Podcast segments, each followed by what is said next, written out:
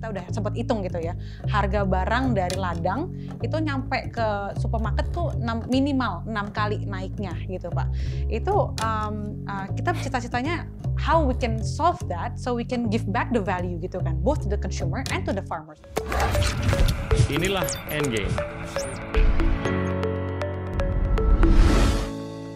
Halo teman-teman, hari ini kita kedatangan Natalia Rialuki Marsudi sebagai Chief Strategy Officer dari Tanihub. Ria, terima kasih. Terima kasih. Thank you for having me, Pak. Kita ngobrol ya. Ya, uh, ya. Mungkin seperti biasa kita ngobrol sedikit mengenai masa kecil Anda. Mhm. -huh. Lahir di mana, sekolah di mana, mhm. -huh. terus bisa nyangkut di Tanihub gimana. Of course, of terus course. Kita expand dari situ. All right, all right, my pleasure. So I was born uh, lahirnya di Jakarta, Pak. Okay. Um, and I'm actually uh, anak ketiga dari berempat dan um, my parents adalah Batak dan Jawa. So karena kental Bataknya, my dad, um, so we have always been a very tight, um, sering berkompetisi lah berempat ini. Karena dari berempat itu yang cowok cuma satu. For Batak, it's still important, right? Karena yang bawa marga kan yang cowok kan.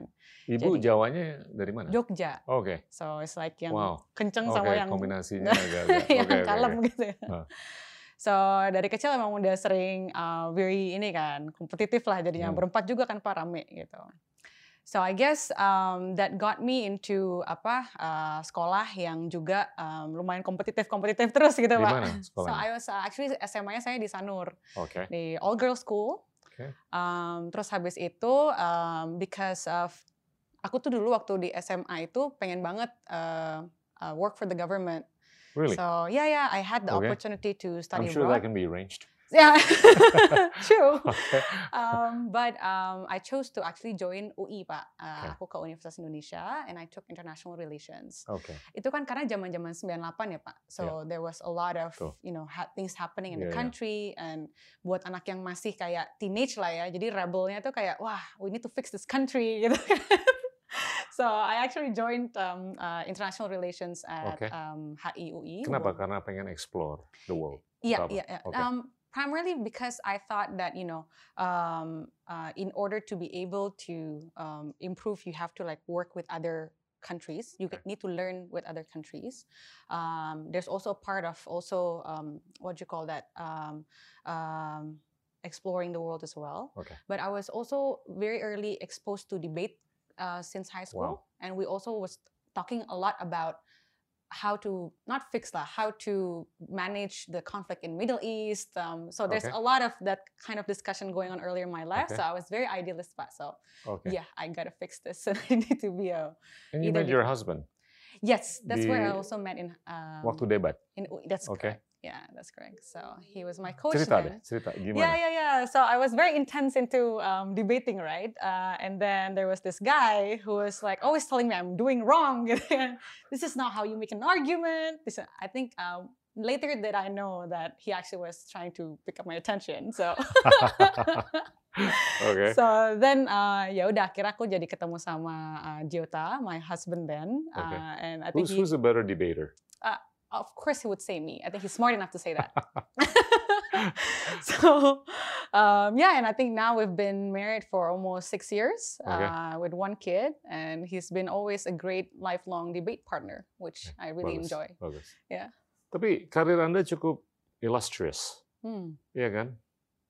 Di konsultan, terus pindah di beberapa tempat, yeah. terus balik lagi ke konsultan, yeah, yeah. terus sekarang di real sector. Yeah. Ini ini agak-agak nyambung dengan mungkin buku yang saya baca beberapa waktu yang lalu, yaitu Range, mm.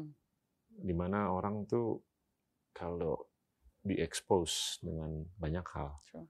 itu dalam jangka panjang lebih bagus mm. daripada kalau dia menjadi spesialis. Yeah, yeah, ini kan yeah. tempting banget kan sekarang untuk siapa pun lah generasi muda tuh untuk mau jadi spesialis saja.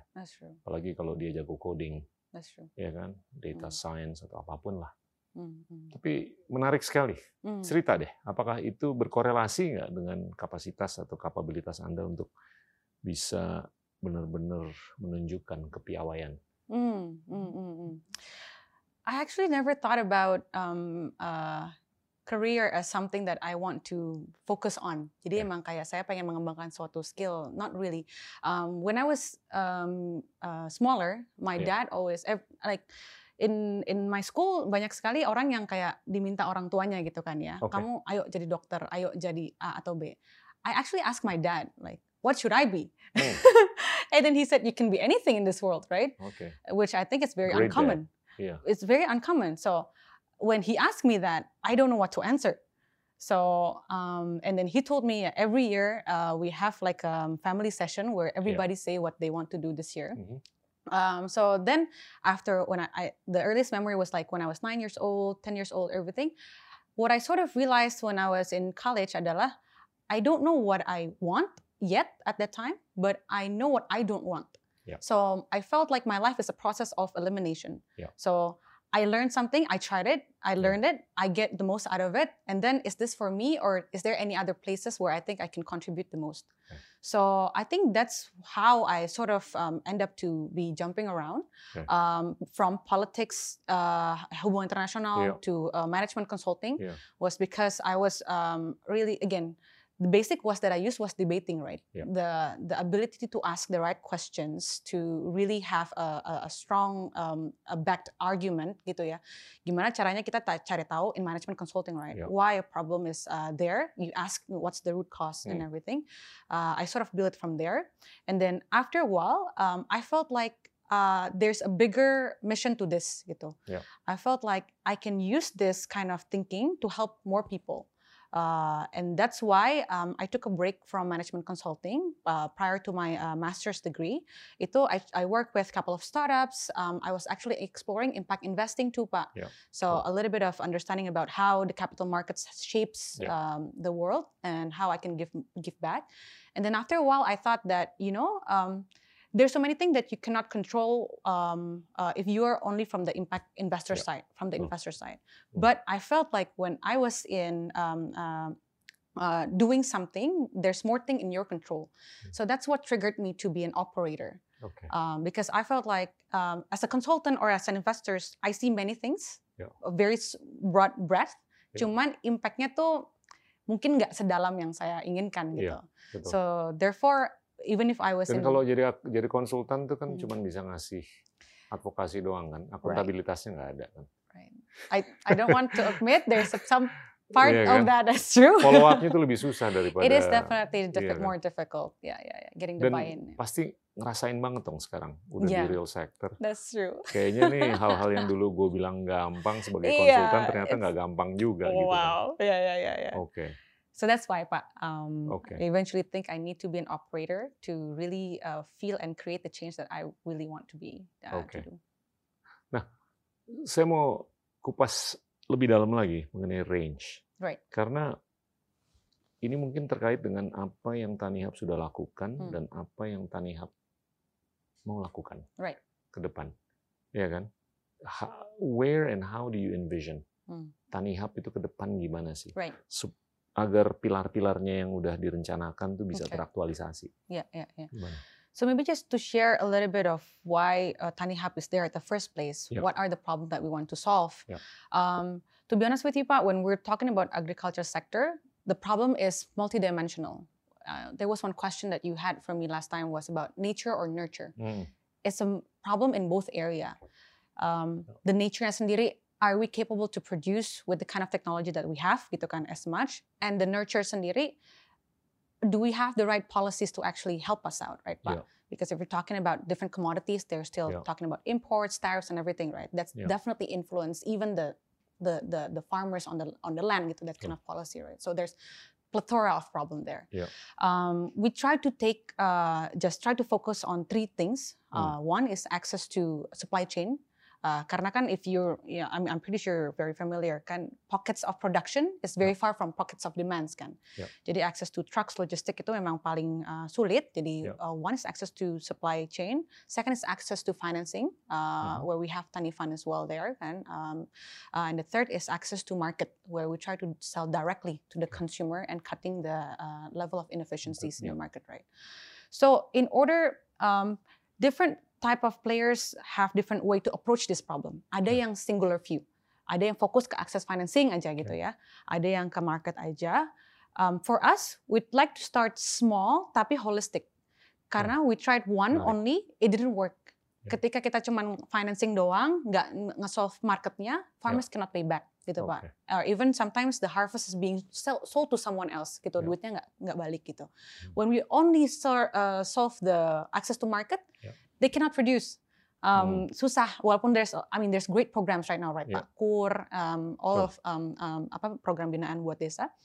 Um, tapi accessibility is still very difficult gitu Oke. uh, in terms of requirements and everything. Jadi um, there is uh, a lot of um, different views gitu. Yeah. Some are pessimistic about the approach, our approach. Some is optimistic, but we think you know this holistic approach. We start from small group from dari Jawa Barat, terus melebar jadi Jawa Tengah, jadi Bali, jadi the whole Indonesia. I think that's that's where we want to what we want to do pak. Oke. Gitu. Ini kan variabelnya banyak ya That's true. di pertanian ataupun peternakan lah. Hmm. Cuaca, That's true. hama, Hmm. terus suku bunga, That's, that's true. moral karyawan, Mhm. moral petani, Mm-mm. moral peternak, Mhm. Supply chain. Mhm. Itu gimana tuh memanage-nya? Hmm. Karena you know you're you're in the business of stabilizing the Hmm. unstable, iya kan? Nah itu science-nya tuh gimana sih Hmm, mhm, untuk mhm. mengelola volatility atau variabel-variabel kayak Hmm, gitu? mhm, mhm, mhm. Karena ujung-ujungnya kan gimana kita tuh bisa mengindahkan yang di hulunya. That's true. That's true. Kalau di hilir mungkin it's problematic, tapi Yeah. itu bisa lah, ya. Yeah. Itu dalam jangka pendek atau menengah tuh bisa disolusikan. Yeah, yeah. Kalau saya ngelihatnya tuh peran siapa pun lah dalam konteks pertanian dan peternakan, Yeah. itu gimana untuk bisa mengindahkan, meningkatkan produktivitas That's true. dan kualitas produksinya juga That's true. di hulunya kan. Yeah. Nah itu sainsnya gimana tuh Yeah, yeah, untuk yeah. bisa beranjak dari bawah ke atas, Mhm, terus tetap membuahkan stabilitas mhm, mhm. dengan mengelola variabel-variabel yang nggak dikit juga kan. That's true. Hmm. That's a billion dollar question, Pak. I No, no, I mean, you know, ini diskusi loh nih. Yeah, yeah, of course, of course. Maybe I'll, I'll share you what um what we what we do Yeah. lah ya Pak. And, Okay. Um, hopefully this can answer a little bit of it. So um with the way I see it, Saya when- pengen tuh petani-petani di luar tuh kalau dengerin ini syukur-syukur mereka dengerin ya, mean Pak. terinspirasi gitu. Iya, iya, Dan iya. seluruh pemangku kepentingannya dari Iya. hulu sampai hilir Iya, gitu loh. iya, iya, iya, iya. Ah. Buat saya terutama ya Pak dan buat kami itu, uh, when you are faced with a lot of problems, you try to isolate what you can control and what you cannot control. Yeah. For what you cannot control, the way we try to do it adalah we try to read it. We can't control it, but what are the variables that cause it? Yeah. This one, that one we cannot control is price, Pak. Siap. So the way we try to solve this is we try to build like a model that tries to read demand and uh, supply forecast that tries to also predict the prices um, evolution. Jadi kalau misalnya di beberapa trading company gitu ya Pak, they Yeah. have these traders who just like by pattern and by experience knows how to read. Yeah. And unfortunately, we're still four years old, five years old company, so we try to model it Pak. So we try to predict ya kira-kira kalau misalnya uh, of um, um, commodities such as like cabe gitu, Yeah. uh, apa namanya banyak juga petaninya gitu kan ya. Kapan sih typically dia up, kapan sih typically dia down, Yeah. supaya ketika kita membantu farmer untuk finance itu kita tahu nanti tiga bulan lagi dia akan uh, panen uh, uh, keberapa, harganya ada di mana gitu. Yeah. And we sort of like lock area price-nya tuh di di area Oke. segitu. Jadi when because price is something we really cannot control, so we try to read and play within those areas, right? Oke. Supaya kita nggak apa supaya we are sustainable, the the farmers are sustainable. For the areas that we can control, for example, then how do we help the farmers to improve the productivity?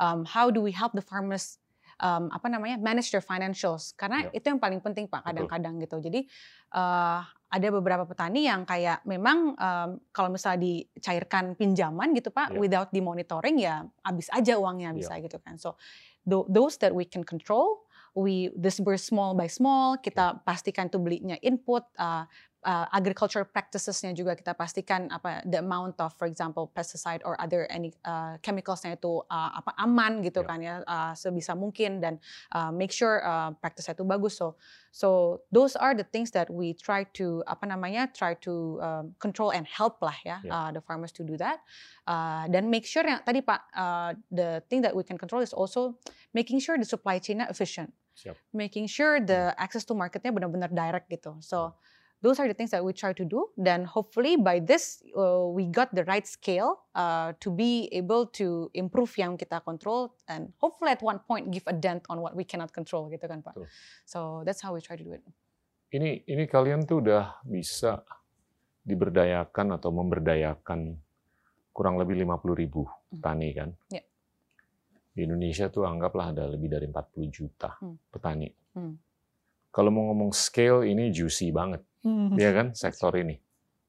Kalau 40 juta itu bisa diberdayakan dan memberdayakan, Mhm. saling memberdayakan. Itu luar biasa kan Mhm. value creation-nya. Mhm. Dan itu udah bisa tuh diukur tuh nanti korelasi dengan peningkatan produksi dan produktivitas. Apalagi kalau ngomong mengenai gimana kita bisa memperkaya Hmm. kualitas produk-produk pertanian dan peternakan. Hmm. Dari sisi kesehatan, Iya. dari sisi apa pun lah yang lebih Hmm. sehat untuk kita ke Mhm. depan. Mhm. Itu gimana tuh?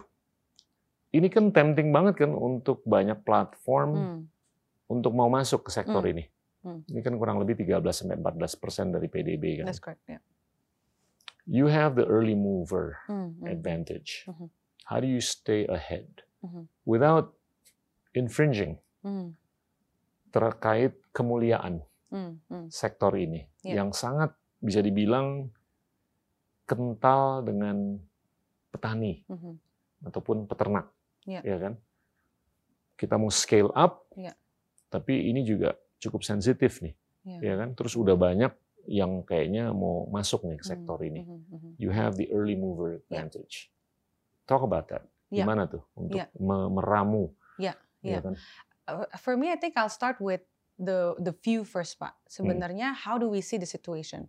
Um, I feel that this is like um, we're working on a like 125 billion um, market size gitu kan ya, bisa lebih ya. Uh, itu we think there's a lot of pie for everyone, Pak. Yeah. So we don't we don't think there would be Good. like you know you be running on each other and actually there's a lot of problems to fix pak and and we're of the view that the more the merrier right Yeah. because eventually uh, satu pulau aja sulit gitu kan. Gimana nih kayak beribu-ribu pulau. So uh, I honestly think um, uh, the competition should be more uh, should be viewed as more like um, apa namanya another player that helps the farmer karena fokus kita kan Bagus. kembali ke farmernya gitu ya pak ya Bagus. makin banyak yang nolongin ya makin seneng gitu kan Hmm. dan um, we also believe ya apa namanya a- as simple as you know um, startup 101 right like uh, product market fit Ya. kalau ternyata awar barang itu emang disukain ada value-nya ke farmers ya udah gitu Ya. I mean people can uh, do whatever. Cuman kalau misalnya emang that's the right product ya udah gitu kan. People would uh, be loyal gitu. So uh, for me those are the two principles that shapes what's the strategy right? Gimana Ya. nih kalau kompetisi kayak gini? Jadi kalau dari kita sih pikirnya again um, apa namanya when there are more player coming the first question is uh, for me is actually how do we collaborate? Ya. jadi sama dengan uh, sama dengan kayak beberapa everyone is my friend juga gitu pak Ya. jadi the startup ini kan kenal-kenal juga gitu kan udah ayo bareng aja gitu so that's number one tapi yang kedua if um, uh, you're talking you know how we, we stay ahead I Ya. think uh, coming back to trying to fall in love with the problem that the farmers are facing Good. then again as an early mover we had that advantage to Yeah. know a bit better a bit better um, dan juga komitmen kita untuk selalu go upstream pak because um, uh, apa namanya downstream kan biasanya ya that's typically where where where, where the money is gitu kan pak biasanya kan le- dan lebih straightforward you're closer to the customer you're closer to the money gitu Yeah. but further to the apa from the consumer to the farmers dapat pusingnya doang sebenarnya gitu. But for me, I guess um, apa namanya um, that's actually where where the opportunity lies Pak gitu. This 40 million now it's actually declining Pak sebenarnya Iya, around betul. 30 million right? Betul. uh, 40 uh, 30 million ini gimana sih caranya kita pain points mereka kan banyak gitu. Iya. Nggak cuma bertani aja Pak. Betul. Thinking about how their family plan, Betul. how they access uh, healthcare, how Betul. they access education. Setuju. Itu gede banget yang Gede belum di ini. Jadi uh, kita sih pengennya much much closer, understanding better gitu. Sengerti-ngertinya saya bahasa saya tetap beda gitu kan Iya. Pak with the farmers. So how do we actually try understand uh, pain points mereka apa dan memberikan solusi yang sebenarnya beda banget Pak. Uh, you trying to open a bank account for a farmer is very different uh, than you open in a mall gitu ya Pak. Iya. Buka counter semua orang langsung punya KTP NPWP.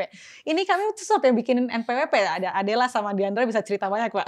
We have to help the farmers make NPWP gitu kan Wow. for for the loans. Jadi um, I think there's still a lot of problem yang menurut saya memang menunggu inovasi. Iya. Karena kalau kita uh, hanya gaya offline, hanya gaya seperti ini biasa-biasa aja nggak akan nggak akan Iya. keburu sih pak, nggak akan selesai. So we want to innovate there. Saya sepakat. Ini pasar akan terus-menerus terdemokratisasi. kan. Betul. Hmm. Lebih bagus lah kalau semakin banyak yang ikut. Hmm. Tapi ini ini kita harus peka juga dengan gimana petani itu bisa dibantu dalam Hmm. jangka panjang Hmm. dengan isu-isu yang menurut saya cukup struktural. Yeah, that's true. Tadi sebelumnya kita sempat ngobrol mengenai gimana banyak sekali lahan yang dikelola oleh petani ini tidak dimiliki oleh mereka, Betul. ya kan? Jadi mungkin salah satu faktor kenapa jumlah petani That's true. itu turun dari 40 juta ke angka yang lebih kecil bukan karena peran teknologi aja, tapi Hmm. peran variabel-variabel yang lain, That's true. Iya kan? true. Dan kalau menurut saya sih semakin mereka punya akses ke modal, Hmm. semakin mereka bisa mengontrol Hmm. destiny mereka That's true. dalam konteks pengelolaan pemberdayaan lahan, That's true. ya kan? Iya. Nah, kita bicara sedikit deh mengenai inklusi keuangan. Iya. Karena salah satu misi yang mulia dari Tanihub ini adalah gimana untuk bisa meningkatkan inklusi keuangan. Hmm. Hmm. Hmm. Saya melihat inklusi keuangan ini baik. Mhm. Tapi gimana supaya jauh lebih baik dan jauh lebih cepat, Hmm. ya kan? Yeah. Apa sih? What's the secret sauce Hmm. untuk Tanihub bisa Iya. mendongkrak Iya. inklusi keuangan, Yeah. Yeah. Yeah. khususnya terkait dengan petani dan peternak. Yeah, yeah, yeah. I think um, we, I think we sort of understand uh, what can help. Yeah. I don't think we have cracked it as fast as we wanted. So I think this is a Hmm. homework for everyone, right? Yeah. Um, untuk help better financial inclusion buat farmers and their family itu harus what we call like um, relationship at scale. Okay. Karena um, ketika when we approach uh, a farmer group and introduce new product itu nggak bisa as simple as kayak any other tech startup kayak Yep. udah bikin aja app-nya gitu kan suruh pakai gitu. Uh, Bayang. Uh, it- it's Hmm. very hard on, for the adoption gitu kan ya. Jadi gimana cara and what what works with them is relationship Yeah. gitu. So we're very um, proud to have like strong field officers yang teman-teman yang sekolah dari luar negeri belajar pertanian balik ke sini mau jadi field officer kita Wow. gitu ya. Karena benar-benar itu caranya harus um, apa bantu mereka untuk get on board on this financial inclusion harus ditemuin satu-satu gitu. Yep. Jadi our uh, our homework adalah gimana cara kita nge-build that relationship tuh at scale. Yep. How what's the role of technology in doing that gitu. Dan kita juga udah nemu beberapa hal yang menarik gitu ya. Jadi the adoption of technology is actually uh, correlated with the apa namanya the the involvement of their children in education. Jadi Oh. sebenarnya yang banyak Iya. membantu orang tuanya Anaknya. untuk itu anaknya. Iya. So that's actually the Setuju. key, Pak. So uh, gimana caranya one thing that we one program that we're doing now in Tanifan adalah bikin Hmm. namanya Sahabat Tani. Itu Hmm. di mana kayak uh, teman-teman SMP, SMA Iya. yang memang di sekitar area um, Iya. apa namanya sekolah uh, sekitar area uh, pertanian itu Iya. bisa jadi a part of our team gitu yang Hmm. introduce apa sih financial planning, Iya. uh, apa sih different source of model. One thing yang paling penting Adoption rate-nya tinggi. Adoption when there's uh, di, dibantu oleh teman-teman uh, Oke. anak-anak muda ini sih much much better gitu. Wow.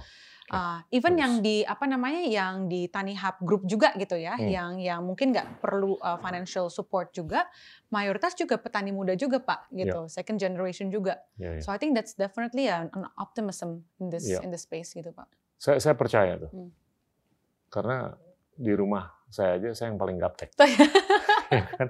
By choice, right, Pak? You don't want to see your Enggak phone. juga. Anak-anak saya tuh yang selalu yang ya first they make fun of me dan terus mereka ngajarin saya. Oh, Jadi ya? pe, apa bener sih advokasi itu lebih cepet kalau lewat anak ya kan untuk orang tua. Ini saya mau tarik lebih jauh lagi nih. Iya. Ser- Akhir-akhir ini tuh saya sering ngobrol mengenai perubahan iklim Mhm. dan saya percaya generasi muda ini penting sekali Hmm. untuk bisa merangkul. Iya. Iya kan? Kepentingan kita untuk mendeselerasi Hmm. atau menyetop perubahan iklim yang Hmm. sangat cepat. Mhm, mhm. Ini mau nggak mau anak-anak harus diberdayakan. That's true. Iya kan? That's true. Karena kalau ngomong sama orang tua yang udah terbiasa Mhm, dengan mhm, emisi karbon yang begitu cepat dan Hmm. banyak. mhm, Nah, di pertanian ini kan penting sekali kan mhm. dalam bungkusan perubahan iklim. Betul. That's true. Gimana kita bisa merawat, memupuk, memelihara Mhm, planet ini mhm, dalam konteks peningkatan produksi dan produktivitas. mhm, mhm, Gimana tuh? Apakah dalam advokasi kalian ke mhm. petani, Hmm. peternak, itu ada nggak sih topik-topik Iya. Hmm. yang nyambung? Mungkin nggak secara eksplisit gitu, tapi Iya. secara implisit nyambung dengan kepentingan kita untuk memelihara planet.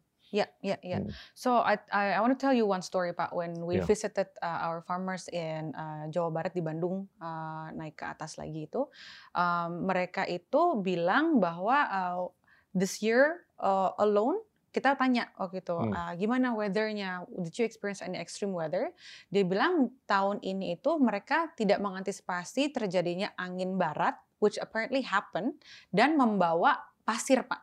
Hmm. Jadi buat mereka Ya. yang nggak pakai greenhouse, yang uh, kebanyakan tuh kemarin petani semangka gitu ya, Hmm. semangkanya tuh jadi bocel-bocel pak, karena kebawa pasir kan. Jadi sih. tuh kayak Oke. jadi bocel-bocel gitu kan, jadi nggak bisa masuk grade A kan pak, kalau Iya. misalnya mau Hmm. mau jualan gitu kan.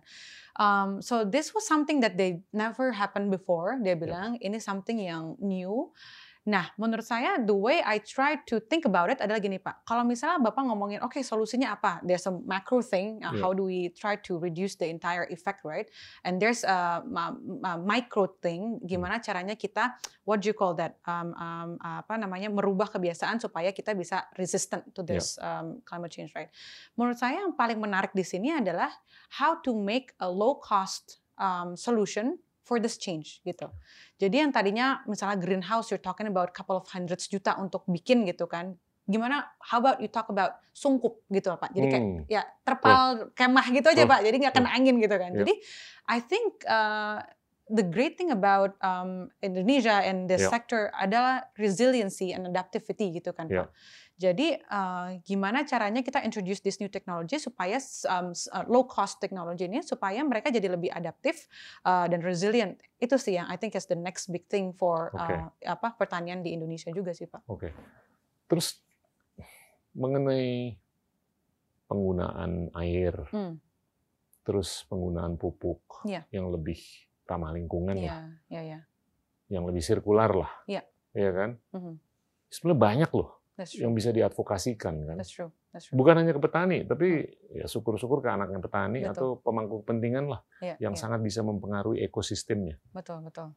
Karena gini loh, kalau saya ngobrol sama anak-anak muda sekarang tuh banyak yang nggak paham atau nggak mudeng bahwa kita tuh udah ngebakar atau mengemisi 1.400 gigaton Hmm. karbon Hmm. selama empat setengah miliar Hmm. tahun terakhir ini kan. Hmm. Emisi karbon tuh 60 gigaton per tahun, Right. yang sisa tuh 2.000 sampai 3.000 gigat 2.000 sampai 3.000 gigaton. Hmm. Hmm. Hmm. Life expectancy Hmm. itu cuma Iya. 50-an tahun. Kalau kita terus pakai karbon, Hmm. Nah ini kan mau nggak Iya. mau kita tuh harus switch Hmm. ke EBT ya, Hmm. energi terbarukan. Hmm. Hmm. Nah itu kalau menurut saya penting loh Ya, ya, ya. dalam konteks pertanian dan Iya. peternakan. Hal-hal true. seperti itu. True. Iya kan? It's true. Um, uh, and maybe I'll, I'll share you what we see on the Yeah. ground gitu ya Pak ya. That kind of um, apa namanya? un- Unfortunately, there's still a, a big challenge to do that Pak. Yeah. When the cost per unit to apply these more sustainable Mahal. producers is definitely doesn't nggak masuk Pak. Iya. Kalau misalnya harganya nggak masuk, ya nggak bisa jualan Pak, Iya, gitu kan. betul. So we Konflik have- antara short term dengan long term. Iya. heeh, Iya. heeh. Nah itu gimana tuh jembatan ini? Iya, iya. So um, Subsidi. I don't know, Pak, if that, I mean, learning from subsidy, there's a lot of pro cons there. So I, I, still believe in the power of market. Sama, Um, saya juga. Exactly right. Uh. So uh, I think as a consumer, I think now what we have to shape adalah consumer yang memang minta barang seperti itu sih Pak. Iya, Karena eventually kan consumer yang pay gitu kan. Eventually the money is from the consumer gitu. Jadi if the consumer is willing to pay more organic um, uh, producers, more sustainable producers, dan farmers ngelihat itu demand real, Iya. they're very fast juga kok Pak gitu. Iya, iya. Karena kalau misalnya kita spoon feed dari atas, upstreamnya harus kita rubah tanpa belum ada ini yang memadai, Hmm, wah you're actually putting them in a very difficult position. iya. Mhm. Itu sih. Oke, saya mau switch gear sedikit. Hmm. Kita kalau ngelihat perusahaan-perusahaan tech yang besar, Hmm. ini agak-agak monopolistik kan. Hmm. Hmm. Di seluruh dunia lah, Iya, iya, iya, I see. Nggak di Amerika aja, Iya. bahkan agak-agak ngerapat ke sini juga udah mulai kelihatan. kan. Hmm, hmm, hmm, hmm. Dan saya membedakan ajaran ke anak-anak muda sekarang dibanding apa yang saya alamin di tahun 80-an. Hmm. Beda loh. Dulu tuh tahun 80-an tuh ajaran dalam ilmu ekonomi atau bisnis atau apa tuh adalah gimana kita menyusun apa pun dalam konteks kompetisi yang sempurna. Perfect competition kan. true. That's true. Tapi kalau sekarang kayaknya lu kalau mau gede lu harus jadi monopolis. That's true. Agak It's different. Beda yeah. kan?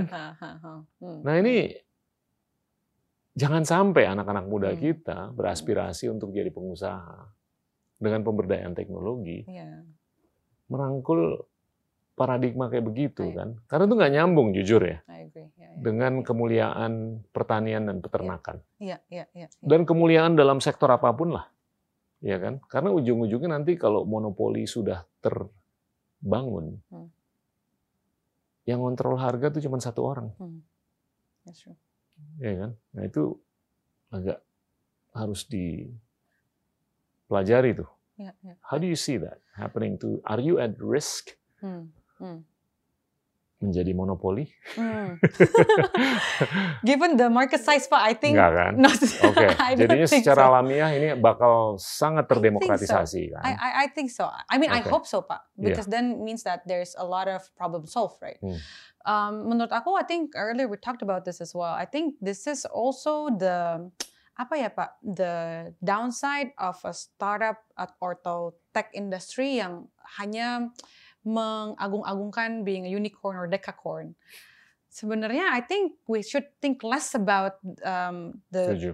ach- achievement and the status of corn thing, but um, the status of what Atau popcorn. popcorn exactly right.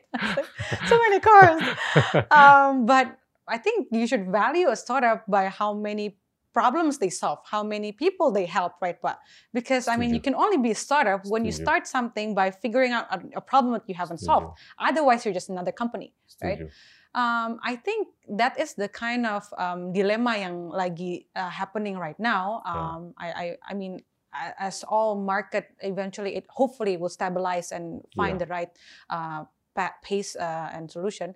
Uh, but I felt like ini sih Pak, jadi um, that kind of view sort of um, buat orang tuh jadi agak-agak nggak keinget gitu. Sebenarnya fokusnya adalah di Iya. problem that you're trying to solve. Tapi gini loh, realitanya kan banyak perusahaan-perusahaan baru di dunia tuh ditopang oleh institusi yang berkepentingan untuk mendaur ulang uangnya It's true. dalam periode tujuh tahun. It's true. Iya Sounds kan? familiar Pak. Nah itu ya kadang-kadang yang bikin kita bangun di tengah malam tuh, That's true. iya kan? kita Atau mau nggak bisa melakukan tidur pak, bukan bangun itu. I'm, I'm simplifying it. Eh, kalau kalau kita punya kemuliaan untuk membantu seorang petani atau peternak, tapi di sininya tuh aktivisme yang kental dengan pendauran ulang modal. Hmm. Nah itu gimana kita harus jeli kan mencari investor yang memiliki aktivisme Iya. yang lebih nyambung. Iya. Iya. Bukan semata untuk pendauran ulang, That's tapi semata untuk kepentingan Iya. petani. Farmers, ya, ya, ya, ya. Iya kan? Agar dia bisa lebih terakses produk dan apanya lah, Iya. apa pun.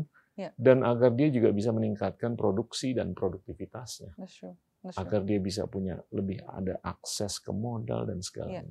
Yeah. Itu keren tuh. That would be great. That's Iya an kan? ideal world. Yeah. Saya belum lihat banyak perusahaan di Hmm, dunia hmm, hmm, yang bisa kekeh gitu loh hmm, hmm, hmm. dengan prinsip Yeah. dan commerce Yeah. yang bisa dipertanggungjawabkan tapi dalam Yeah. siklus yang panjang, True. ya kan? True. I think it's that um, apa namanya issue about inst instantaneity sih Pak yang bikin issue sih. Instantaneous. Ins- ya instantaneously. Hmm. Karena kan eventually sebenarnya uh, a good investor see that you know when a company is solving a problem that has not uh, solved before, that's where the money is, right, Pak? Iya. Karena in the long run, uh, you are you know fixing this problem yang eventually people would pay value for it, gitu Betul. kan ya. Uh, but unfortunately, building businesses takes time, right, Pak? Actually, um, uh, yes, technology helps to reduces it. Cuman kan there are different sectors, right, Pak? Yang mungkin Iya. harus nggak bisa pure tech. You definitely have to do a lot of O2O gitu kan ya. Jadi, Iya. um, I think um, eventually um, I am ha- uh, I'm expecting more and more smart investors are realizing this Betul. kind of thing. Uh, dan we're happy Pak. Uh, sebenarnya there are a couple of impact investors in our uh, board as well Bagus. yang punya Bagus visi seperti ini, uh, but we're hoping to find more gitu Pak, Ya. karena that level of patience and uh, apa namanya Pak togetherness that you also Hmm. need to solve the problem with the company gitu kan, I think um, that's what we need sih Pak sebenarnya. Hmm. Dan dan you know we we live in a generation or era where now there's so much money, Hmm.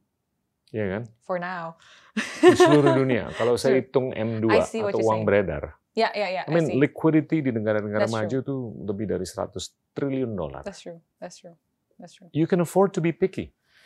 It's true. As they used to say, beggars cannot be choosy kan. Choosers, Tapi aha. sekarang you can be choosy. Mhm, mhm, mhm. Gimana gue bisa dapet aktivisme yang nyambung Hmm, dengan kelestarian lingkungan. True, true, true, Dan supaya kita benar-benar bisa mengedepankan sustainability. true. Gimana supaya kita bisa benar-benar meningkatkan derajat siapa pun lah Iya. yang bisa menjadi pemangku kepentingan kita, Mhm, mhm. ya kan? Karena duit lagi banyak nih. Iya. Dan ini kan juga bagaimana teknologi sudah berhasil dan akan terus berhasil Mhm. mengcollapse cost Mhm. structure. That's true. Jadi kita, kalau menurut saya, seperti saya bilang beberapa kali ini, kita sudah tiba di era Hmm. yang diwarnai dengan siklus super, Hmm, dengan suku bunga rendah, hmm, hmm, bahkan inflasi rendah. mhm. Ya kan? Karena duit kebanyakan, demografik semakin tua, penghematan semakin banyak, tapi asset classes tetap finite, That's true. cost of capital remains low, if not lower. That's that's true. You can afford to be choosy, Mm, mm, true. ya kan? True. Nah itu kalau menurut saya tantangan tuh untuk leadership bukan hanya That's di Tanihub aja, tapi di Aha, seluruh perusahaan-perusahaan teknologi yang sangat bisa mengangkat the bottom of the pyramid, Completely agree. Ya kan? Oke, Ya. kita udah ngobrol mengenai inklusi keuangan, perubahan iklim. Saya mau ngobrol mengenai teknologi deh, Mhm. ya kan? Teknologi ini akhir-akhir ini kan agak-agak menggerus Hmm, demokrasi, hmm, ya kan? yeah, yeah. Paradoks Betul. bahwasannya demokratisasi informasi Mhm, itu nggak nyambung mhm, dengan demokratisasi ide. Iya. Saya pengen banget gitu loh, Mhm. platform seperti Tanihub tuh bisa berperan mm, untuk Hmm. lebih mendemokratisasikan ide, mm. bukan That's hanya true. informasi. That's true. That's true. Ide untuk petani Hmm. dan seluruh ekosistem atau anggota ekosistemnya. Mhm, mhm. Gimana tuh menurut Anda? Mhm, mhm, mhm. Um, I think for us, um, one thing that we try to differentiate uh, from the other platforms dan juga menjadi salah satu komitmen kita kepada petani is our um, breadth of offers of selections. Jadi kalau ntar bapak lihat, you know, sometimes we have, for example, um, um, tomat grade A, tapi ada juga tomat lokal, atau tomat biasa gitu, yang Oke. nggak super gitu. Jadi Oke. I think um, as the, as much as we uh, in our sphere gitu ya Pak ya. Yeah. Presenting this different types of options actually is one way to to to do it gitu. Oke. Um, karena kan mungkin uh, there are different uh, apa ada approach approach yang mungkin lebih spesialis like what you're saying like it uh, it sort of like me, bukan mengerucutkan tapi ya memang uh, peop- uh, uh, person yang suka pilihan yang for example premium organic gitu yang Hmm. lihatnya itu aja juga happy gitu. Tapi sebenarnya ada nggak sih produk lain yang jauh misalnya jauh lebih bergizi, cuman ya belum ada versi organiknya gitu ya, for them to get to know gitu. Jadi I think for us um, providing the selection is one. Tapi I guess a bigger thing that we uh, in terms of like itu di level produk ya Pak ya. Tapi kalau di level ide gitu ya Pak. I think what we're trying to do uh, in our company is basically having a very diverse range of um, team members gitu. Oke. Uh, and we're also proud we also have a mix of um, apa namanya experiences juga gitu Pak in terms of length of um, uh, working uh, apa namanya tenure gitu Pak. Karena we know we're working in a in a in a in a sector yang butuh orang yang udah tahu lapangan gitu kan Pak. Uh, people who have done um, FMCGs before, Yeah. run uh, run um, a supply chain company. Jadi Yeah. um, kita uh, unlike mungkin pure technology company yang bisa very tech driven, um, Yeah. uh, young uh, apa namanya problem solving mindset aja bisa dikatakan cukup untuk start and grow. Uh, Yeah. I think for us we also have a lot of um, seniors yang benar-benar kayak udah tahu Hmm. caranya gitu. So I think that's also what uh, maybe try to contribute to your uh, point. Um, how the technology is built is also designed by more diverse uh, diverse type of people. I think eventually technology is an output of creation of mankind, right? But so it's actually the result of someone's brain, right? Or Betul. collective brain. So I guess when the collective brains is diverse, then hopefully the technology would be allowing that to happen. So maybe Setuju. that, that Setuju thing can be interesting. The the diversification of the elements Yes. of the team Yeah, itu it creates divergence that's correct. of thinking. Yeah. The Sure. divergence of thinking itu democratizes ideas. That's true. And it's Yeah. not always like rosy and sunny, right, Pak? You definitely Nggak have selalu. different different Nggak selalu. opinions, but that's a healthy Iya. debate gitu kan. Betul. And sometimes people shy away from that gitu kan, Yeah. karena ya again when they go back to their social media tinggal di unfollow aja kan kalau misalnya nggak setuju gitu kan. So they don't have to engage gitu. But in a company setting, in a professional setting, you have to, right? Betul. Uh, Betul. I guess that's a challenge for us to, as well as like a player in a tech company. Uh, how do you create such technology sih Pak? So, Iya. Dan dan saya kurang sepakat kalau demokratisasi itu hanyut Hmm, dalam definisi bahwasanya kebebasan berbicara. hmm, hmm, Itu disamakan dengan amplifikasi algoritma, hmm, hmm, ya kan? hmm, hmm, hmm. Itu salah parkir menurut saya, Iya Pak. ya kan? Iya. Eh, Pemikirannya right, adalah right, kalau you're kita lihat di social media atau platform social media nggak usah nyebut nama, Mhm. Itu dibiarin aja Hmm. Malah terjadinya terjadinya bad information atau misinformation. True. Ya nggak apa-apa, nanti kan bakal di counter dengan good information. Hmm, hmm. Sorry, Iya. karena algoritma yang mendukung Iya. misinformasi True, atau bad information itu lebih teramplifikasi true. dibanding yang good information. Nah itu kalau menurut saya nggak demokratis. True, true, true. Nah itu jangan sampai berdampak Iya, iya, iya. dalam konteks idea creation di Tanihub Ya. dan berdampak terhadap gimana perusahaan Anda tuh bisa berdampak secara positif ke Hmm, hmm. seluruh pemangku kepentingan, Iya, iya, khususnya iya. petani dan konsumen ya. That's true, Pak. That's Iya. true. We we hope we don't fall into that trap Iya. too. Um, I guess it's, easy to to fall into that Iya. trap unconsciously, right? Yeah. Betul. Masih dalam konteks teknologi, Mhm. akhir-akhir ini kan kita lihat Tesla. Mhm. Kalau saya hitung harga perusahaannya per mobil terproduksi terproduksi itu satu setengah juta dolar Right. per mobil. Dibandingkan Volkswagen, GM, Hmm. Ford, Toyota itu yang kisarannya mungkin 20 sampai 30 ribu dolar Right. per mobil terproduksi. Right. Right. Right. Gede itu lebih karena mungkin Tesla itu telah berhasil memanifestasikan artificial intelligence, robotics, dan autonomy. Yeah. Mhm, mhm. Niscaya kan Hmm. bahwasanya siapa pun perusahaan teknologi Iya. itu mau nggak mau Hmm. harus bisa memberdayakan hal-hal seperti artificial intelligence, blockchain, Iya, iya. robotics atau apa. Iya. Nah dalam percakapan sehari-hari Iya. di Tanihub tuh gimana tuh mengenai hal-hal seperti ini? right, like new technologies and Apa pun. adopted. Ah, um, we think that it could be one of the solution pak for Okay. upstream gitu kan ya pak.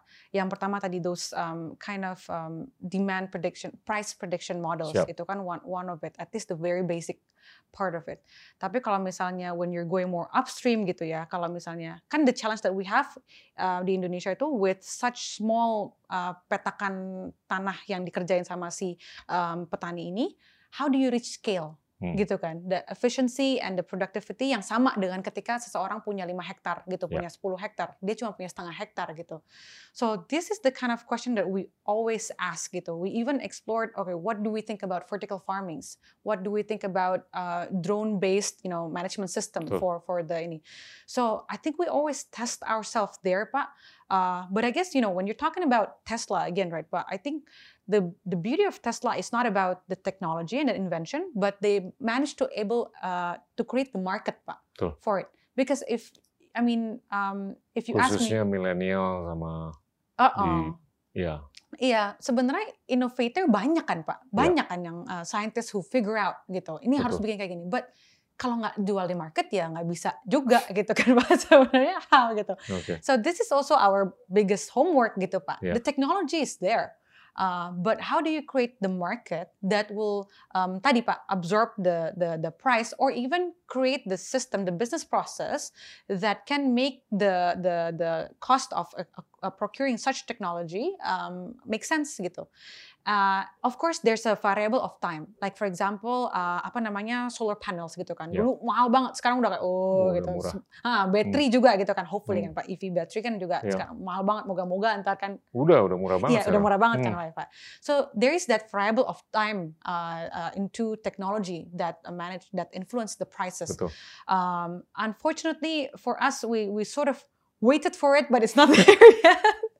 So I guess I guess it's still our homework sih Pak. Gimana caranya with all of this technology, apa namanya bisa kita uh, procure it uh, as affordable as possible for the smallholders. talk about blockchain Hmm. karena saya ngelihat blockchain ini kan gila pertumbuhannya Iya. kalau kita lihat internet Mhm. 90 sampai tahun 2020 Hmm. 30 tahun itu pertumbuhan per tahunnya itu 60-an persen Hmm. Hmm.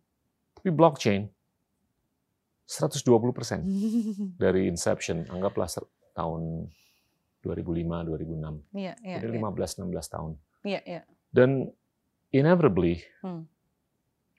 sekarang tuh usersnya udah 140 150 juta ini dalam mungkin 3-4 tahun tuh bisa mencapai satu miliar Iya. keindahan blockchain tuh mungkin dikarenakan gimana dia bisa mendesentralisasi Hmm, true.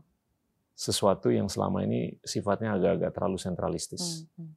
Gimana dia bisa menciptakan identifikasi yang transparan. Hmm. Gimana dia bisa menciptakan recourse atau Hmm. akuntabilitas. Iya.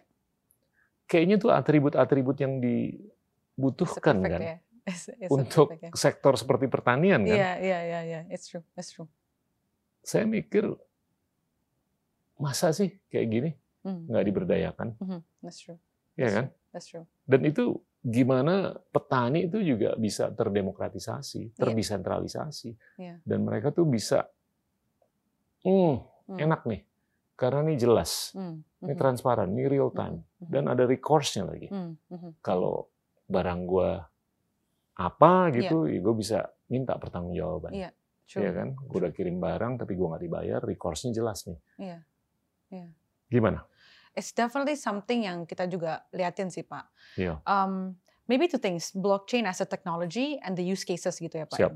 As the technology, I think uh, it's definitely something yang very uh, apa namanya promising gitu. Ya. Um, use cases-nya yang sekarang kita lagi pengen cari itu adalah um, how this actually helps the farmer to get better access to the market and information for uh, for the pricing itu yang belum pas mungkin Pak. We just haven't figured it out yet. Iya. Beberapa use cases yang sudah diimplement on blockchain in in agriculture itu kan mainly uh, um, traceability. Ya. So for example, a lot of European market sekarang udah ngedemand gitu kan ya, Betul. for every tuna or every um, um, apa agriculture produce itu sudah ada uh, uh, apa historical yang bisa di trace back-nya. So that is one and again Pak, when the market is there, then the technology is is is meaningful and, Ya. and bisa di- dipakai. Uh, another uh, challenges yang kita lagi pengen figure out adalah karena sometimes um, blockchain atau teknologi yang yang um, apa namanya quite sophisticated Hmm. untuk uh, digunakan ini, you need a good infrastructure. Betul. Gitu kan ya Pak. Sebenarnya Betul. berarti si um, farmers farmers sendiri ini juga bisa menggunakannya gitu kan, Iya. punya aksesnya gitu, menjadi ada point to point. Nah, itu menurut Carbon kita juga printing juga harus dipikirin. Exactly. Yang itu Ya. yang sebenarnya masih uh, menjadi PR gitu sih Pak. Ya. So I guess I think that's definitely uh, something yang kita explore gitu. Kita always follow dan gimana cara kita bisa implement. Uh, it takes a bit more time than Ya. than what we expected it to be. Terakhir nih terkait mengenai Hmm. teknologi sebelum kita move on. Kalau kita lihat di hulunya, Hmm. ambillah beras. Hmm. Yang paling produktif tuh di Indonesia kan kurang lebih 7 sampai 8 ton per Hmm. hektar. Mhm, mhm, mhm, Kalau ke Thailand kita bisa melihat mhm. 14 sampai 15 ton per hektar. Iya, iya. Kita mungkin mengkonsumsi kurang lebih 35 juta ton Hmm. per tahun. Mhm. Produksinya kalau sama nggak usah import. True. Apalagi kalau kita bisa mengurangi konsumsi beras. Konsumsi beras per orang per tahun kita Iya. 130-140 kilo. Hmm, hmm, Di Asia Tenggara, di beberapa negara lainnya, itu mungkin di bawah 70. Hmm, Ada yang bahkan di bawah 50 kilo per orang per tahun. mhm, mhm, mhm. Ini kan variabel-variabel yang keren. nih. That's true. That's Kalau kita tingkatkan. Mhm, produktivitas kita dari 7-8 ton per hektar ke 14, Iya. seperti Thailand. Terus kita turunin konsumsi kita, Hmm. karena kita terlalu banyak, makanya kita banyak banget diabetes di Indonesia. Hmm. Iya kan? Yeah, that's true. Yeah, it's definitely right. Kita tuh nggak perlu import dan bahkan kita bisa menjadi eksportir Yeah. Yeah. salah satu yang terbesar di dunia. Iya. Itu kan kesejahteraan kan Iya. untuk para petani dan masyarakat luas. Yeah. Yeah. Yeah. Yeah. What do you think? Yeah. It's a big question, It's Pak. cool, no? It's it's very cool. It's a very big um uh what do you call that um ideal. I Iya. think uh, if we can get there. Um, karena menurut saya sebenarnya two things ya. Mungkin kalau dari secara um, rice as a commodity first, Iya. baru kayak how do we increase productivity, right? Unfortunately, um, whatever is being experienced uh, by the smallholder farmers is also a result of the apa namanya pak regulation juga gitu kan pak. Hmm. Kadang-kadang y- you were the minister of trade for once gitu kan, Long time a long time ago, but you know how kadang-kadang it's chicken and egg when you're talking about import, right? Ada import jadi nggak produce atau nggak ada barang jadi buka import, Betul. right? So it's always very difficult gitu kan how how to gauge that. Jadi kadang-kadang juga mikir gini, kalau kita produce increase productivity, productivity produce lebih banyak, tapi masih ada import, nggak ada yang beli juga gitu. Jadi when is the right time? Import tuh kan nyambung ke Hmm. ketahanan nasional, That's true. food security. Hmm. Nggak akan diimport kalau Nggak akan, nggak perlu. ada surplus dalam negeri. Hmm, hmm. That's true. Kecuali that's kalau true. yang diimpor tuh barang yang nggak ada di Indonesia. Benar. Tapi kalau barangnya beras, benar benar benar. ya kalau ada yang mau beras mati sih, ya boleh aja. Iya. Karena di sini nggak banyak kan. Aha, mhm. That's Tapi true. saya sih ngelihat kalau kita bisa double our productivity Iya, dari iya, 7 iya. ke 14 ton Iya iya. per hektar, Mhm, mhm, kita bisa memproduksi mungkin 70 juta ton hmm, per tahun. mhm. Kalau konsumsi kita 35 juta ton, kita bisa ekspor Iya. 35 juta ton. Iya iya. Like Apalagi kalau once, ya. kita Hmm. turunkan Hmm. konsumsi kita Iya. dari 140 kilo per Iya. orang per tahun ke Iya. di bawah 100. Iya. Man, Iya. it's staggering, That's true. That's ya kan upside-nya. That's true. Dan kalau kita bisa Iya. ekspor tuh kan devisa. Dan itu nyambung lah dengan peningkatan kesejahteraan masyarakat Iya. luas. Yeah. If you're talking about um, how to improve the productivity, it's definitely something that we can look into a bit deeper. Iya. Cuman ya panjang juga sih Pak Panjang, gitu. panjang. Tapi it, it requires a conversation, That's true. ya That's kan? true. Yeah. Dan dan this this type of conversation akan semakin keren Iya, kalau iya. terus di digosok Iya, That's Iya true. Uh-huh. I think that's why we also need a lot of innovation on the upstream. Karena mikir yang again one Betul. question about productivity. Itu kan ngomongin bibitnya gitu kan. That's baru dari Betul. ujung uh, bibitnya dulu gitu. Habis bibit baru penanaman. Penanaman baru kayak bagaimana memanage, memaintain, menjaga, merawat gitu Iya. kan. Apabila ada hama segala macam. Dan yang terakhir baru ya after it's done gitu kan setelah harvest handlingnya tuh gimana sih. Jadi Iya. Lumayan panjang gitu dan uh, and the the thing about agriculture is different month itu different treatment. Yeah. What how do you manage the rice field when Betul. it's um, rainy season and when it's dry season gitu. Yeah. And what do you need to do in between gitu kan to make sure the soil is is still healthy.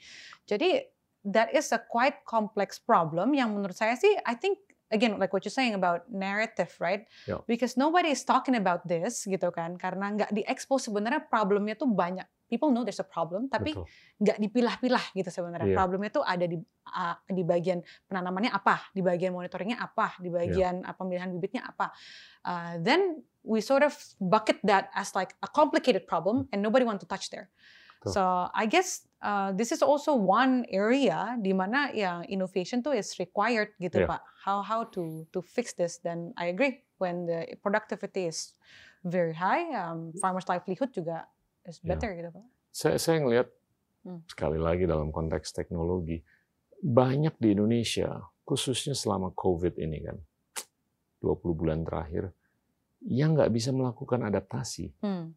itu adalah mereka yang nggak bisa menunjukkan keterbukaan, Hmm. that's true ya kan? Mhm. Kolot, Hmm. kekeh, ya kan? It includes me Nah, to some extent. Really, Kadang-kadang Pak? ya saya sih selalu ingin menunjukkan keterbukaan, tapi ada aja satu Hmm. hal yang saya nggak bisa menunjukkan keterbukaan. hmm. Nah itu that that actually entails technological challenge, Hmm. Iya kan? Hmm, hmm, hmm. Eh, dan banyak sekali yang mikro, kecil, menengah, sampai yang gede banget Hmm. karena mereka nggak bisa menunjukkan keterbukaan, Hmm. mereka nggak bisa mengadopsi teknologi. Nah ini balik ke teknologi.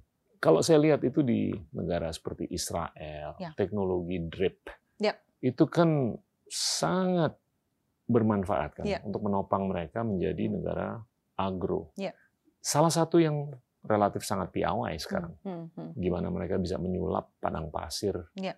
menjadi hijau karena pemberdayaan drip mhm. dan tentunya deep uh, reserve Hmm. yang ada deep aquifer di bawah. hmm. Tapi kita tuh harus bisa menunjukkan keterbukaan That's true. terhadap That's true. teknologi kan, That's true. khususnya dalam peternakan dan Iya, pertanian that's karena itu makanan Iya, yang iya. sangat esensial Iya. untuk kehidupan kita sehari-hari. Yeah, yeah.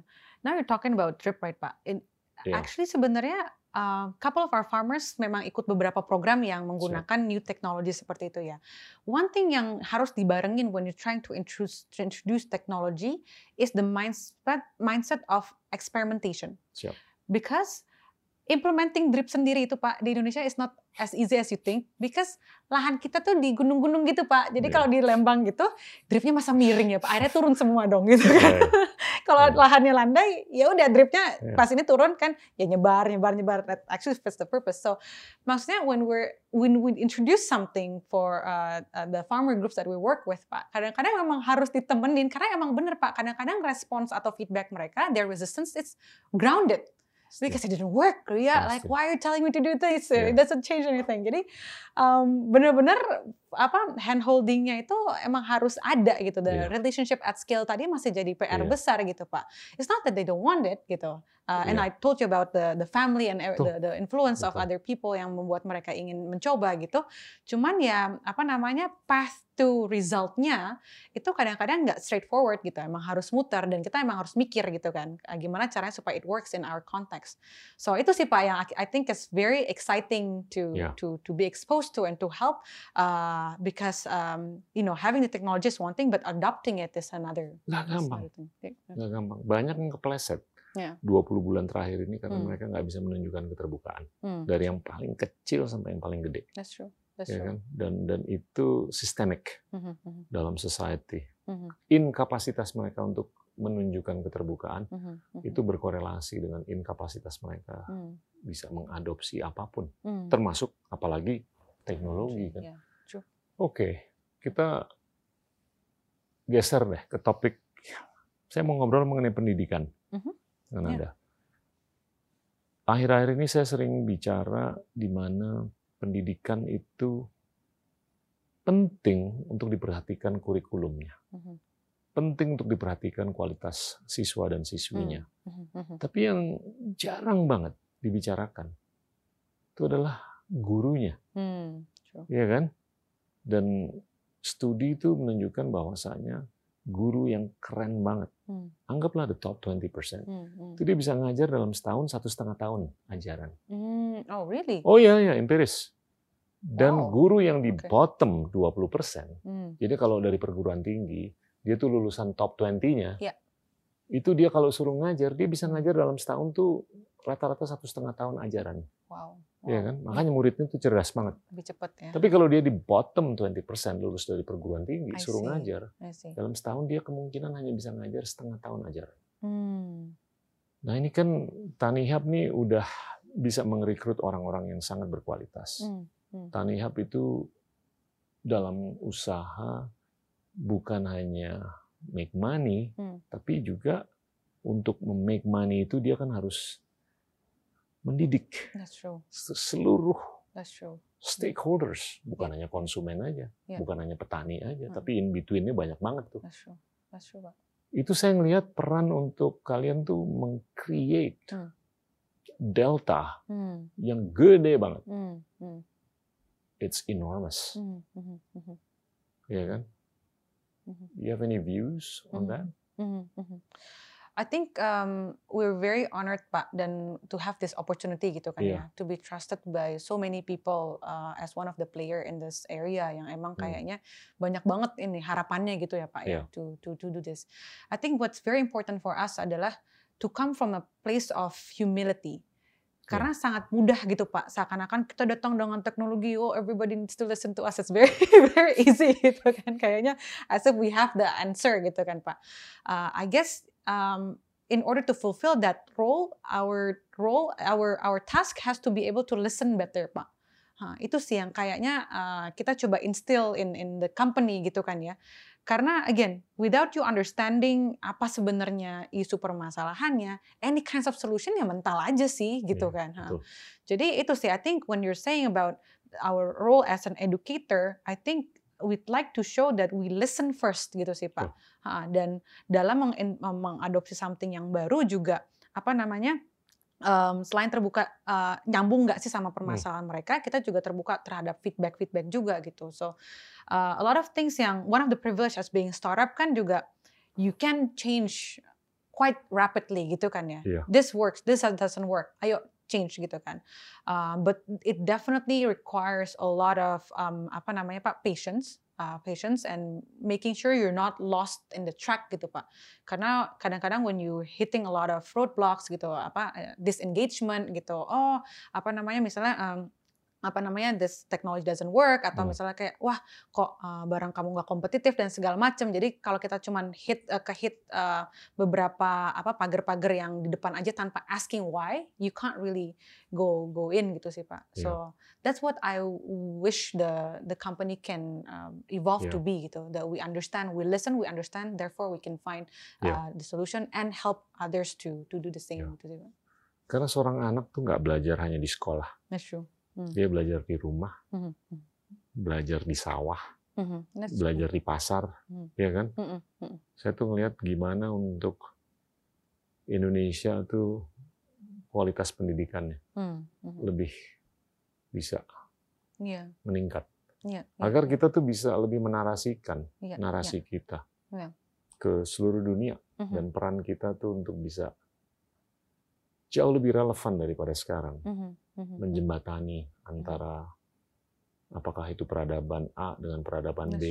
That's true. itu sangat enormous. Hmm, ya kan? Dan apa pun yang kalian lakukan itu bisa nyambung loh hmm, ke kepentingan yang lebih besar. Mhm, mhm, mhm, ya kan? mhm. oke.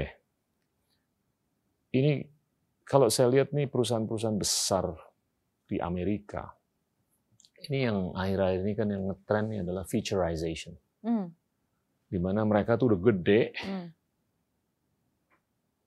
terus mereka ngelihat ada sesuatu yang di luar domainnya mereka, hmm, enak juga nih. Cepuk-cepuk.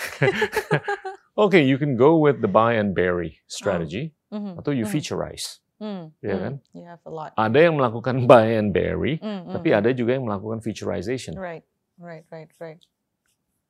Are you at risk of being featureized by your Mm, competitor atau mhm. perusahaan teknologi yang jauh lebih gede, mm, mm, atau you are actually more with the opportunity of featureizing mm, mhm. into a non-agricultural Yeah. domain? Yeah, yeah, yeah. Um, I think I'd like to answer that dengan going back. What's the end? I mean, not end game, end goal, right? Tujuan utamanya. Iya, Oke. ha-ha. Soalnya kan Pak, I feel like doing featureization or buy and bury or any kinds of other roll-up strategy or anything, that's a tool, Yeah. right? It's not what we bukan tujuan gitu kan Pak. Yeah. Tujuan tuh bukan IPO, tujuan itu bukan Nah, M&A gitu. Nggak perlu IPO, tapi kalau kita ngelihat sesuatu yang Hmm. keren gitu kan, oh, Ya, ya, ya, ya. I Hmm. understand, understand ya. ha. Jadi kalau menurut saya sih, um, if we go back, kalau misalnya PR kita adalah we really want to improve efficiency in upstream gitu kan, ya. increasing productivity, um, reducing the um, apa namanya steps from uh, source to market gitu, uh, and there is a potential for featureization or being featureized. Um, we don't see it as a risk gitu pak. We see it more as an opportunity to actually give back more atau to really get into our our game gitu. So Okay. I don't think we ever see that uh, and discuss that as like a threat.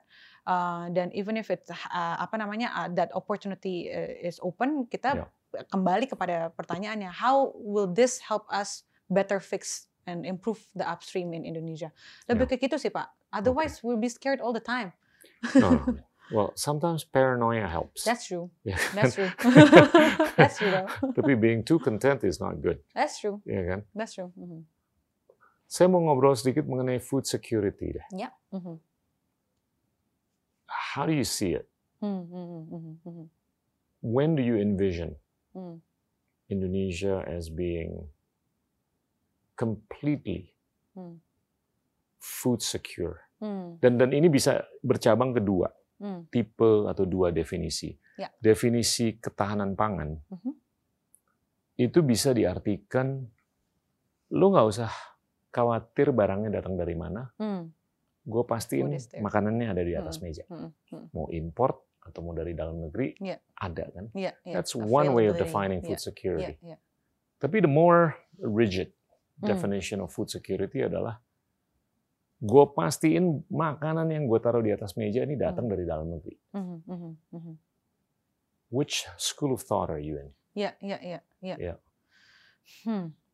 I think um, for me it's more like sequencing the the time, Pak. Uh, The first is like for the short term, and it definitely has to be there, right? Okay. Availability definitely has to be there karena um, apa namanya without food, as you mentioned, ini kan benar-benar bahan pokok gitu ya, Pak Iya. ya. Emang you cannot survive without it, right? Siap. Um, it's about survivability. For me, uh, for us gitu ya, um, barang itu harus ada in short term. That's definite gitu. It's a must. Uh, as we grow, I think the value of um, the the quality of the food and the quality of the agriculture sector in itself will be healthier if the second happen, Pak. And the second has to happen in order kayak cycle gitu sih Pak. When the second happens, the quality of the food is much better because it's ne- nearby gitu kan, masih fresh, masih high nutrition. Jadi um, I think yang kalau yang pertama udah uh, available, terus kita talk about yang second, yang second would eventually help availability lagi menjadi lebih quality gitu kan Pak. So um, dengan cita-cita seperti itu sih Pak, um, right now, uh, so you're thinking about two tracks gitu. Yang Ya. pertama, yang short term tracknya itu tetap harus ada, tapi yang long term ini nggak boleh keteteran sih Pak gitu. Jadi yang the question about productivity ini masuk, the question about supply chain masuk, karena masa Ya. iya sometimes importing something is easier than just getting uh, fruits from Malang gitu kan Pak. gitu kan. So uh, and the variable is quite vary dan kadang-kadang ya itu sih kalau nggak dilihatin satu-satu ya ketinggalan juga gitu Pak. But um, Kalau kalau saya tuh bukan ideologi, tapi Hmm. mungkin pola pikirnya tuh ya kita harus bisa memastikan ada di dalam negeri. Hmm, true. Tapi kalau nggak ada ya kita harus punya kebebasan True. untuk mendatangkan That's dari true. luar negeri. Ya. Karena nggak semua yang kita butuhkan itu bisa diproduksi di dalam negeri. Ya. Dan kalaupun bisa, Hmm.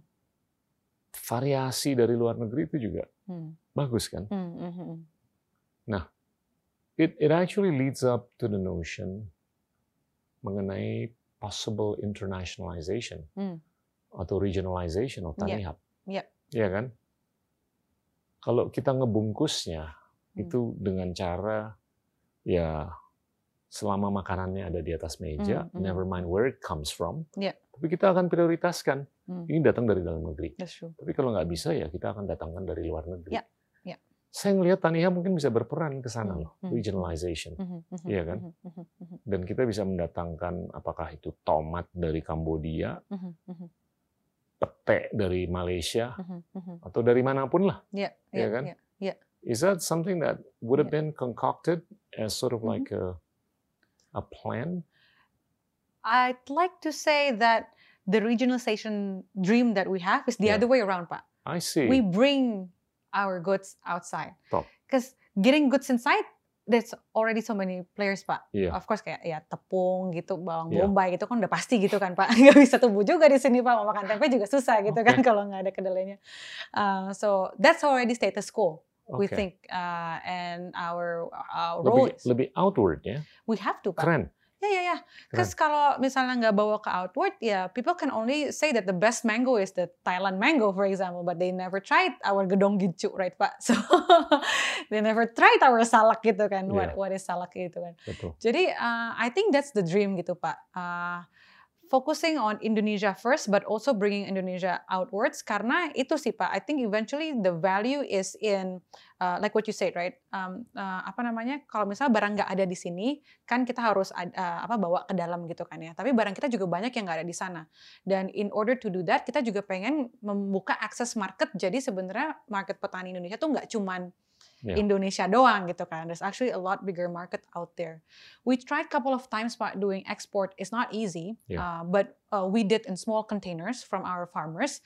But uh, itu sort of teach us gitu Pak. Bagus. Sebenarnya PR untuk ekspor tuh banyak uh, banyak, Yeah. tapi demandnya juga sebenarnya Yeah. banyak sekali Pak. Banyak gitu. banget. So I think uh, how we can help the, the the farmers to get there is definitely something we want to. really- Tapi itu harus Anda mention Thailand. Hmm.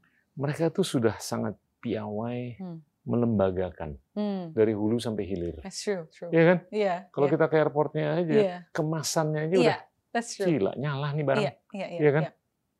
Dan di hulunya mereka juga nyala. Iya. Produktivitasnya bisa dibuktikan, dipertanggungjawabkan. Iya. Nah itu karena mungkin di mana mereka bisa melembagakan, Mhm, mhm, ya kan? mhm. Nggak gampang loh untuk melembagakan Yes. hal-hal seperti itu kan di That's sini. true. Bukan berarti kita nggak bisa. It's Iya. gonna take time, Iya. ya kan? Dan dan ya mudah-mudahan aja Mhm. itu bisa dilakukan. Mhm, mhm. Ini saya mau nanya, tadi kita udah ngomong mengenai perubahan iklim dan gimana kita bisa meningkatkan produktivitas dengan cara yang tetap menunjukkan keramahan terhadap Hmm. lingkungan, Mhm, mhm. ya kan? Ini ngomong mengenai otak nih. Hmm. Protein itu kan sangat dibutuhkan, ya kan? Iya. Gimana nih untuk meningkatkan produksi dan konsumsi protein? Iya, Di iya, Indonesia. Iya, iya. Ya, That's ya kalau definitely, sih kita lihat lah di Indonesia tuh konsumsi daging sapi per orang per tahun tuh masih sekitar 3 kilo. Iya, Tapi kalau di Brazil, Argentina, Jerman itu udah 40 sampai 50-an kilo. iya. Mungkin karena itu mereka bisa produksi Mercy kali. Iya. Iya kan? Tapi ya saya pengen gitu loh ngeliat Iya, iya. bangsa Indonesia tuh menjadi bangsa yang keren, It's true. pinter. It's Nah, true. itu kan nyambung ke bukan hanya ke ajaran, Iya, tapi juga makanan. betul. Makanannya bergizi true, Pak. dan kaya dengan protein. Iya, iya. Iya, iya. We also looked at the problem, Pak, and it's very difficult because eventually apa yang seseorang makan itu bergantung pada dompetnya, Pak. Apalagi kalau misalnya Kecipir tuh murah, iya, ah. itu protein. iya, tapi ya Nggak perlu daging sapi, Iya benar sih, Pak. ikan lele Benar-benar. itu kan murah Ah, banget kan. Benar. I'm just kidding with you. Tapi tapi you get my point, I right? get your point. Iya kan? Iya, iya, iya. Itu gimana tuh? Iya sih. heeh. Kalau misalnya uh, um, tadi dua hal banyak. Pertama affordability, Iya. it's something yang paling paling penting. Tapi dua knowledge of this food variety and their nutrition uh, content, it's something yang mungkin kita juga perlu bantu sih pak gitu. Iya. Kalau untuk affordability ya, to be honest with you, beef is still quite expensive gitu kan, dibandingkan nasi sama telur aja gitu kan, Iya. atau uh, nasi sama sayur. Karena kayak kita harus dulu. import. Betul. Sapi kan di Indonesia tuh nggak lebih dari 12 juta Hmm, ekor. mhm, mhm, Ayam mungkin 2 miliar. hmm, hmm. Dan kalau kita mau meningkatkan konsumsi dari 3 kilo per orang per tahun Hmm. ke 20 kilo lah per Hmm. orang per tahun, 60, kita harus punya 70. stok Ya, true, kurang lebih 60 ke ekor, 60 juta ekor. true, true, true. Tapi it's a real estate play. Hmm, Kalau mau pakai pendekatan Australia itu Hmm. satu sapi satu hektar. hmm, Kalau mau pakai pendekatan India satu hektar tuh bisa 40 sapi, hmm. ya kan? Ya tinggal pilih aja mau pakai iya, paradigma iya, iya. India atau Australia, Iya, kita tumpukin aja sapinya. Yeah, true, true, true. Nah itu harus dipikirin tuh. Yeah, I agree. I agree. So the definitely the stock is need to be there, Pak. Kita juga sempat mikir gitu gimana how to how do we make Indonesian eat more daging or protein source gitu ya kan. mungkin nggak nggak usah daging sapi dulu, Iya, tapi iya, ikan lele dulu deh, iya. atau iya, kecipir, Iya, iya. ya kan? Itu True, kan true, true. proteinnya banyak. Nah, Iya. Ikan juga semakin tergerus Iya, iya, pasoknya atau jumlahnya. That's true. Nah itu saya nggak tahu tuh apakah it, it, it- is it in your weekly conversation atau discussion gimana supaya kita bisa Yeah. Menopang agar masyarakat luas tuh bisa lebih mengkonsumsi protein. It's definitely Pak. Karena Oke. kan uh, at least from the business point of view juga apa namanya variety of the produce is also very good gitu kan ya Pak. Hmm. When we're not when we're diversified, typically uh, we're more sustainable, resilient lah Pak. Karena again we're still playing with commodities that the price fluctuationnya juga very strong gitu kan. Jadi kita harus main diversify uh, banyak gitu. Uh, dan ketika memang betul apa konsumsi daging atau ya the other source of protein itu masih rendah, it's also a big problem gitu. Um, definitely there's a change in um, habit. Uh, price is definitely one affordability. Tapi yang kedua tadi tentang knowledge about you know the different sources kenapa kalian butuh you know Yeah. this type of thing. Uh, dan yang ketiga sih habit itu sih pak. Sebenarnya kan for example uh, uh, habit of food Betul. is um, is nurtured gitu kan pak setuju. apa yang ibu atau bapaknya masak di rumah ya itu yang anaknya makan dan pak udah gedenya most likely that will the person will cook that for the kid gitu Iya. kan muter aja gitu pak kalau udah nggak ada yang ngebreak gitu kan Eh, nasi sama telur sama bawang merah aja gitu bawang goreng So, Dan nasinya thing- sebakul. iya Itu nasi kan glukosnya lebih banyak daripada es krim. that's true that's true Nah ya mudah-mudahan lah Taniha bisa lebih berperan atau Hmm. sudah berperan Hmm. dalam apa ya proses advokasi agar kita Ya. bisa diabetes ini banyak banget Ya. loh. Ya. Lebih dari 30 persen kalau nggak salah Hmm. di kalangan kelompok umur berapa gitu. wow Not to mention stunting, Wow, ya iya, kan? Itu true. true ya gula tuh. that's true That's Ya true. gimana untuk kita? Hmm. Saya nggak ngerti kenapa orang Indonesia tuh makan nasinya banyak banget. Oke Hmm. lah, mungkin karena lauknya nggak ada ya atau kurang, ya. ya kan? Hmm, hmm. Jadinya di Hmm, dijabanin hmm, aja hmm, dengan hmm, nasi hmm, gitu loh. Tapi yang harus dipikirkan tuh mappingnya gimana lauknya bisa diperbanyak, bisa ditingkatkan nutrisinya, Hmm, tapi hal-hal yang bersifat glucose atau high Iya. glucose itu Iya. diturunkan. Yeah, yeah. I mean, there's a market-driven way of doing that, and it may require a lot of time because to expect Yeah. some habit to change. But another, apa kayak semacam booster to change is definitely also policies, right? I think some countries apply that tuh. I've I've given up on policy. Gitu, Maksudnya I, I I rely on policy but I've Yeah. given up on policy. I see, Kenapa? I see. Gini lah, kita melihat divergensi antara postur kebijakan untuk digitalisasi Hmm. dengan apa yang kita lihat Hmm, hmm, di private enterprise. Hmm. Ini sangat eksponensial, ini Right. sangat linear. Right, Bahkan right, ini right. it's it's playing catch up. That's Just true. take a look at the testimony kemarin tuh yang di Amerika, Hmm, yang hmm. gimana senator-senator yang Hmm. nanya tuh kayaknya nggak ngerti apa yang Hmm. dia tanyain, Hmm, hmm. iya kan? Yeah, that's true. Nah itu gimana kita bisa mengregulasi sesuatu we don't menggunakan know. paradigma Hmm. steam engine, Hmm, padahal yang diregulasi itu adalah paradigma digital. that's true. Nah itu divergensi yang nyata. Hmm, hmm, hmm. Nah jadinya saya lebih percaya dengan mungkin advokasi dan edukasi di masyarakat luas dan gimana mereka bisa menunjukkan keterbukaan, yeah. Terus berdayakan teknologi secara bijaksana, Mhm, mhm, ya mhm, kan? mhm, Endgame-nya Tanihub apa, mhm, Ria? mhm, mhm. Would love to say that this is also a, uh, a reflection of uh, of how I see things as well. Um, we hope that um, there is no end game, Pak. We hope that there's Good. always continuous. Perennial ya, Yes, oke, yes, yes, yes. abadi. Because if you say that um, the end game is uh, for example our at least right now one of our mission adalah we want to be the first door or the first person yang bantu pick up harvestnya petani langsung ke langsung ke uh, consumer that's really what what You our, collapse dream. the intermediation. Iya, iya, iya. We Hmm. collapse or we we work together with them, Yeah. become a part of us. Di mana ya udah jadi efisien, nggak usah di handover enam kali gitu kan, Yeah. handover aja ke kita, become a part of us, one door, langsung sampai situ.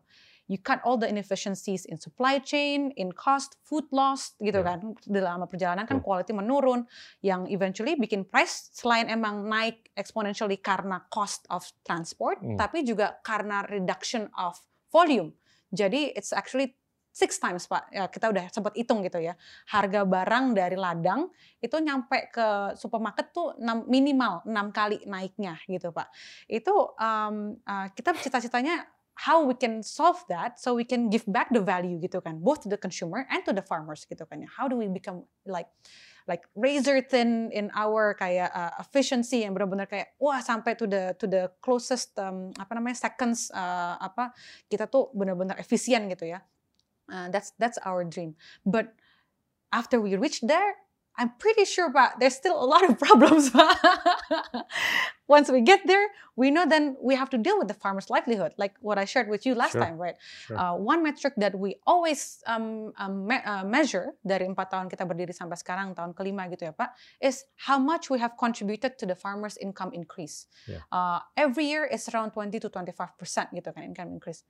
But is that really what is welfare? Is that really livelihood? No gitu. Ternyata mereka income increase, tapi uh, tidak ada increase in access to education ke anaknya, ke healthcare. Itu jadi kayak, okay, now we go to Yeah. how do we provide this healthcare and and um, apa namanya education to the to the families gitu. Jadi uh, kayaknya sih cita-cita kita sih bener-bener uh, gimana tadi dua uh, how do we get close to the farmers, help to be the first door, and then improve their livelihood so then we believe everything is circular kan Pak, kan muter gitu ya. Betul. Dengan uh, happy farmers, healthy farmers, happy family of farmers gitu ya.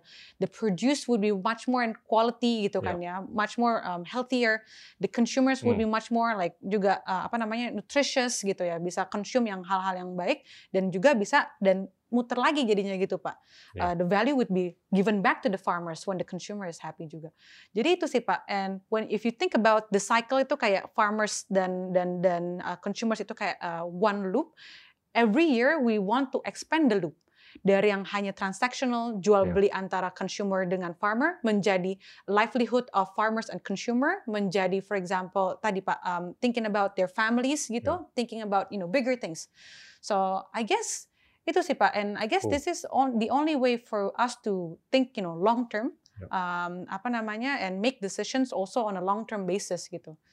Um, Really So cool. that's that's really what we hope for. Berapa juta petani yang bakal udah Right. kena dalam lima tahun ke depan? Our target is at least in 2024 at least a million.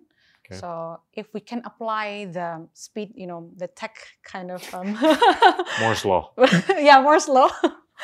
I don't know. Hopefully, five to ten in in in this uh, in the near Wow. future. Um, I guess, and again, by no means we want to do it alone. Uh, by all means, we want to collaborate. So I guess um, it's an invitation as well for everyone who wants to collaborate. Dan dan saya suka tuh eksternalisasi Hmm. barang-barang atau produk-produk Hmm, dalam yep. negeri. Exactly. Itu Pak. keren tuh. Hmm. That's the dream. Yeah, So that that means you you'll require regional presence. definitely. Yeah, ya kan? Yep, yeah. And that's within the works. Definitely within the works. Yeah. kan? Yeah. What's your personal end game? Yeah. Is that your personal end game too? Um, I'd like to think so, but perhaps different scale. Okay. Um, it's more towards how I f- feel I have impacted people that work with me. So when you ask me Pak again, uh, gimana tadi uh, switch dari um, consultant atau investor jadi operator, the biggest problem is managing people, but there's actually also the biggest asset Pak. Hmm. I'm pretty sure you also understand it Pak, because um, in this uh, world of managing different um, talents, different people, different ideas gitu Pak, there relies a, a plethora and a richness of um, um, assets gitu ya Pak. Banyak sekali opportunity dari itu. Jadi uh, kalau saya sih end game-nya itu how how in every relationship that I build um, karena saya tadi again Pak, I am not a specialist, so saya nggak bisa bilang saya pengen bagus di satu Neither am hal. I. Exactly. so I, I value um, everything that I do and every interaction that I do is how I affect and being affected affected by the person that I interact with and how I um, apa namanya um, help or manage to yeah impact the person's life positively uh, and and and and for me also to grow as how I learn from you and other people that I work with as well. Um, I guess that's it, Pak. Because um, yeah, Any any question that I should have asked but didn't ask? No, I think you covered everything. Um, no, I think uh, I think this is a, a great opportunity to share all of the ideas, Okay. um, and I'm very happy that I get the chance to share with you. Thank you. Teman-teman, itulah Natalia Rialuki Masudi, Chief Strategy Officer dari Tanihub. Terima kasih. Inilah Endgame.